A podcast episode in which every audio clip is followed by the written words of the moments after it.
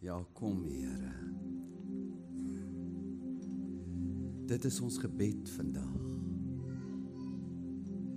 Soos U eens moes kom omdat die wêreld donker is. So is dit ook in ons lewe. As die lig nie kom nie, is dit donker. Maar as U kom, kom U met genade. Kom met vreugde. U kom met liefde. U kom met vrede. Kom dan, Here. Dankie dat U gekom het. Dat U gebore is en dat U hier is. In Jesus naam. Amen. Jy is so welkom vanoggend hier. En elke keer as ons soveel mense hier het, dan neem ons maar die geleentheid om veral vir hulle wat so net Kersfees en begrafnisse, troues en Paasfees in die kerk is, in die hande te kry. So wat ek nou gaan doen, ek gaan vir jou al die preke wat ons die hele Desember gepreek het gee. Dan voel ek net my gewete is skoon, jou siel is van my hande af. In hierdie Kersseisoen het ons gedink oor die stories binne in hierdie wonderlike verhaal. Die stories binne in die storie. Die eerste storie is daardie storie toe engele na mense toe kom. Die Kersverhaal vertel vir ons dat daar meer is as wat ons kan sien. Oral lees jy van engele. Net soos 'n klein muurtjie wat nie kan sien dat daar wêrelde en wesens is waarvan hy nog nooit in sy klein muur wêreltjie kon droom nie. Net so is daar oneindig meer as wat jy kan sien. As dinge ooit of dalk vandag vir jou voel en lyk dis meer as wat ek kan hanteer. Dis finaal en onoplosbaar. Onthou die storie binne in die storie van die Kersverhaal, daardie ander wesens, daar is engele rondom ons. Die Bybel noem hulle dienaars, vuur vlamme wat God stuur ter wille van sy eie mense en jy is sy eie. En sy vermoë om vir jou te sorg is meer as wat jy kan sien of dink of bid. Die Kersverhaal sê vir jou, daar is 'n groot wêreld van 'n groot God en hy gee om vir jou. En dit was preek 1. Jy sal seker nou spyt jy was nie hier nie. Ons gaan nou preek 1 daardie Sondag se offerande opneem, dan gaan ons aan met hierdie diens. Die tweede week het ons gepraat oor nog 'n storie binne in die storie, toe vroue na mekaar toe kom. Binne in die Kersverhaal lê die wonderlike verhaal van die ontmoeting tussen Maria en Elisabet. Maria wat nadat die engel vir haar vertel het sy gaan die redder in die wêreld bring, sê Lukas het haastig vertrek na Elisabet toe en 3 maande by haar gaan vertoef. Wat is dit dat iemand weet ek het iemand anders nodig in die grootste oomblikke van my lewe. Die Kersverhaal, die storie binne in die storie sê God het dit ook vir jou geskenk. Vir elke Maria is daar 'n Elisabet. Koester jy die verhoudings in jou lewe? Mag jy op hierdie Kersoggend weer besef dat jou lewe eintlik net oor een ding gaan, een woord liefde. Liefde vir God en mense. Toe die derde Sondag het ons gepraat oor nog 'n groot storie in die storie. Toe manne na 'n ster toe kom. Wat 'n storie in die groot storie. Dink aan daardie soort lewe en begeer dit. Die lewe waarvan hierdie drie wyse manne wat 'n ster gaan soek het spreek 'n lewe wat ingestel is ingestem soekend na meer. Meer van God, meer van die lewe. Om te glo dat God vir jou sy pad vir jou wil wys. Om te weet dat dit wat jy weet oneindig min is. En om dan heilig nuuskierig te raak en om te glo dat God mense en situasies na jou toe stuur soos die ster in Bethlehem wat jou nader aan die seun kan bring. Mag jy 'n mens wees met 'n diep dors en honger na meer van hom. Meer van hom oor wie daardie ster in Bethlehem geskyn En daar het jy week 3. Dit herinner my gewoonlik as mense nadat ek so 'n reeks opgesom het na my toe kom en sê kon julle net maar in die dienste die preke so kort en verstaanbaar gemaak het nie. En ek voel nie goed dat jy dit nou gedink het nie. Maar vandag gaan ons verder met die groot storie. Maar ons dink nie eintlik aan 'n storie binne in die storie nie. Ons dink aan die groot storie waarin die ander stories lê.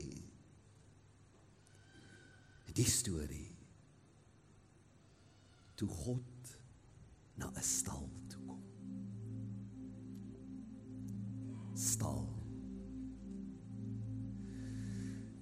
Dis God, die Skepper.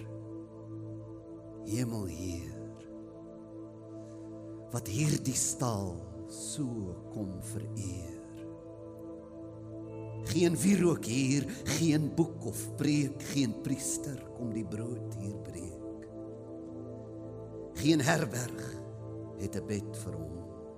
Vermoed nie eers wie het gekom. Die wêreld jaag, die wins regeer, teenspoed te snel vir hierdie Heer. In elke hart se donker uur is kamers vol en veel te duur. En so is soms meer heilig ook die dier se stal want dit is oop. Was dit 'n reis wat skeef geloop het? Het Josef en Maria dalk nie goed beplan nie? Hoe is dit dat 'n brose jong vroutkie in 'n onhigiëniese stal moet geboorte skenk aan die redder van die wêreld? Hoe moes hulle dit beleef het, Josef en Maria? Daardie gevoel van miskien angs, sekerlik angs. Dinge werk nie uit nie. Die gevoel van risiko, die krisis van toedeure die vrae vra in hulle gemoed. Is dit dan hoe dit is? Maria na so 'n heilige ontmoeting hoe werk dinge dan nou nie uit nie? Is dit hoe dit is nadat 'n engel self die geboorte van die redder kom aankondig het voel jy nie ook soms so nie kon my tydsberekening so swak gewees het? Hoe kon my verstaan van die situasie en my beplanning dan so misplaas gewees het? Hoekom loop dinge so skeef? Of soms kom hierdie gedagtes is my eie sondigheid en onvermoë so groot dat ek eintlik maar uitgelewer is aan die noodlot en aan my eie foute. Hoe is dit? Hoe is dit dan dat ek die Here se wil en se seën so telke male kan mis in my lewe? Maar al is ons sondige mense, bly die Kersverhaal goeie nuus. God was in daardie storie en in daardie krisis. Al het dit gelyk Dis maar ons eie foute, dis maar die situasie. God was in die storie. En as jy voor hom gaan stil word, sal jy hom ook in elke stal van teleurstelling en krisis kan vind. Selfs al sou sekere teleurstellings en episodes van pyn en skade wees die gevolg van verkeerde besluite of selfs sondige besluite wees. Kersfees bly 'n goeie tyding het die engel gesê vir alle mense. Dit sluit jou ook in. En daarom kan jy op hierdie Kersoggend sing. Die boodskap van Kersfees is al lyk dit of dinge skeefloop, God is daar. Jesus is gebore vir die teleurstellings van die lewe en vir dinge wat nie uitwerk nie. Wees bly. Kom ons dink oor daardie dag. Die dag toe God na 'n stal toe gekom het. Baie groter dinge was aan die gang. As bloot 'n krisis met 'n blyplek. God was besig om sy plan vir die mensdom vorentoe te neem. Sy plan om sy belofte aan Abraham dat hy alle mense in alle nasies op die hele aarde wil seën, daardie plan was hy besig om waar te maak. Dit was die groot oomblik. Die Skepper kom na die skepping toe. Hy word deel van die skepping. God se wil het duideliker as ooit geword. Daar in daardie spesifieke stal op daardie spesifieke dag presies soos God dit beplan het. Geen toeval nie. Geen menslike foute nie. Presies op die tyd dat hy dit beplan het.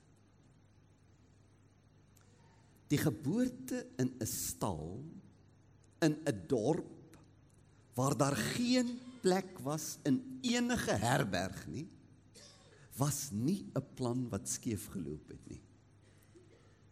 Dit was juis die plan. Dit was juis presies hoe die geboorte moes plaasvind. Kyk wat sê Paulus in Gal Galasiërs 4 oor die tyd wat dit gebeur het. Hy sê: "Maar toe die volheid van die tyd gekom het, toe die tyd presies uitgeloop het, die regte presiese oomblik aanbreek. Toe die volheid van die tyd gekom het, het God sy seun gestuur, gebore uit 'n vrou. Dit was die oomblik na duisende jare. Ook hoe dit plaasgevind. 'n Wêreld wat nie eens weet wie hier is nie.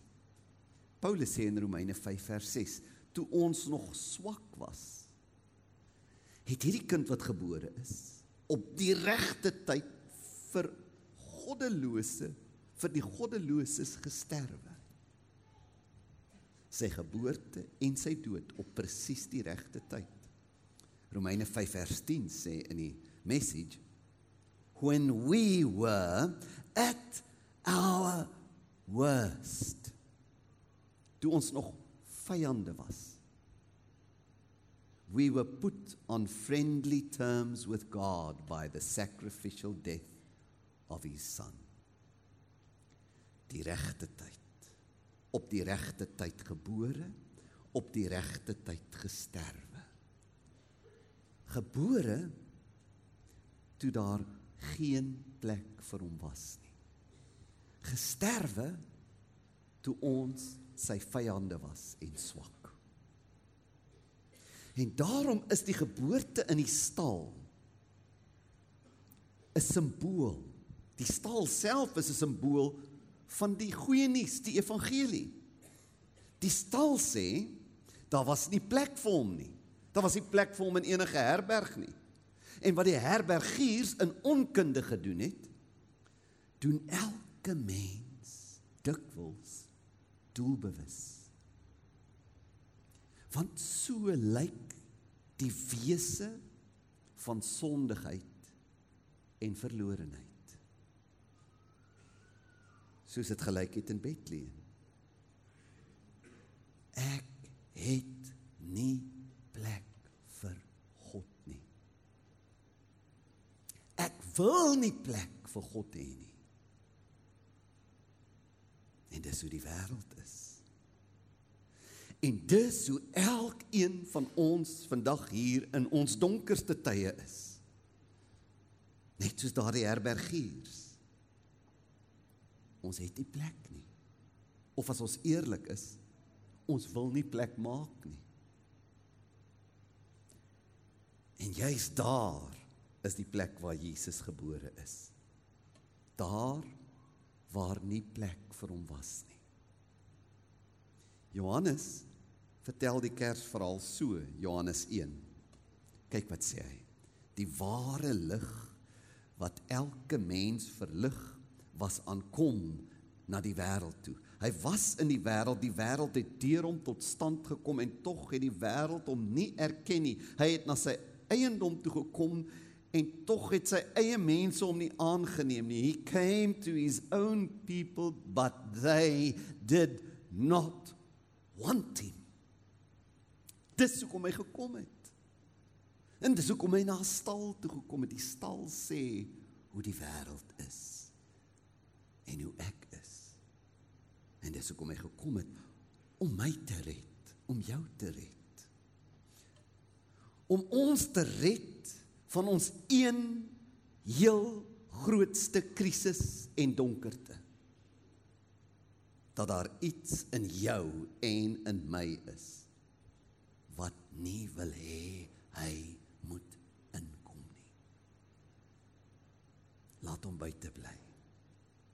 My lewe is myne. Hoe ek maak, hoe ek praat, hoe ek dink, hoe ek drink, hoe ek werk, hoe ek lief hê, is myne. Maar tog het hy gekom. En hy kom altyd op die regte tyd. Wat is daai regte tyd? Die tyd dat ek hom nie wil hê nie. Dit is die heilige wonder van Christus se koms na stal. En dit is hoekom ons hom op hierdie Kersoggend met groot ootmoed en dankbaarheid moet aanbid. Hy het gekom. Al wou ek nie hê hy moet kom nie. Hy het. Die groot storie, God kom na 'n stal toe. 'n Stal omdat daar nie plek is vir hom nie.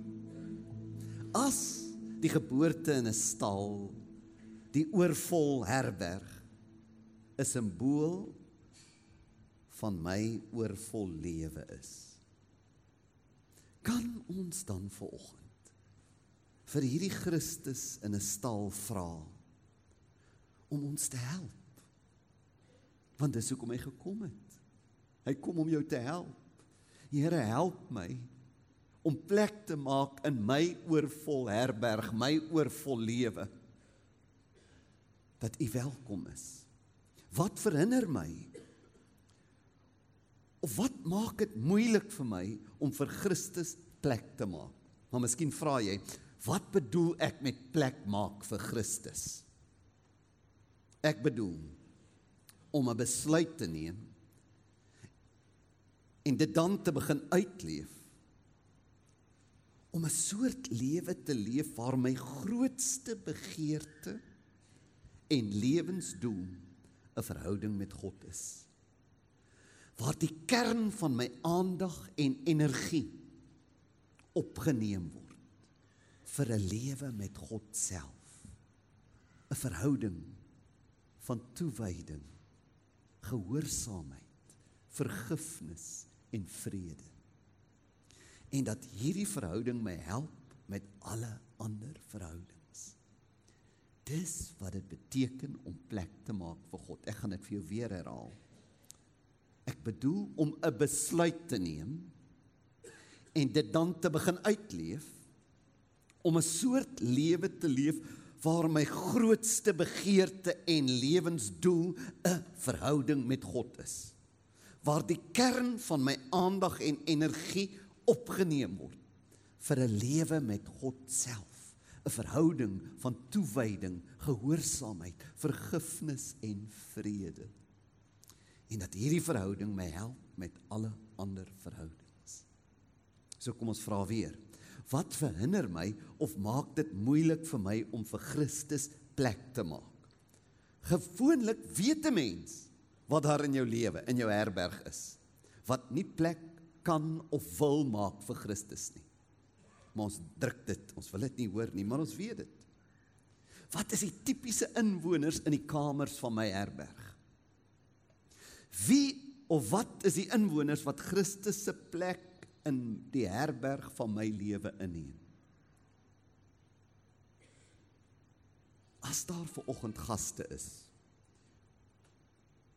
met wie jy Christus se hulp nodig het. Metafories gesproke. Wie sal hulle wees? Wat sal hulle wees? Daar is meestal 3 soort gaste wat Christus uit die herberg van jou lewe hou. Ek praat van mense soos ons wat al van Jesus gehoor het. Daar is natuurlik hulle wat nog nooit van hom gehoor het nie en dan is onkunde een van die grootste hindernisse dat Jesus sal kom. Maar vir jou watter van hierdie 3 gaste hou Christus soms uit die herberg van jou lewe? Die eerste gevaarlike gas wat nie wil plek maak vir Christus nie, is 'n skuldige gewete. Die evangelie is so so eenvoudig. Is daar duidelike dinge op jou gewete? Jy weet jy hoor God se stem dat dit wat jy in jou lewe toelaat in die kamers van jou herberg jou al hoe verder van hom af sal wegneem. Doen dit reeds. Dit maak al hoe minder plek vir Christus. Hy nooi jou ver oggend, hierdie Christus vir wie daar nie plek is nie, kom praat met my. Hy is die redder.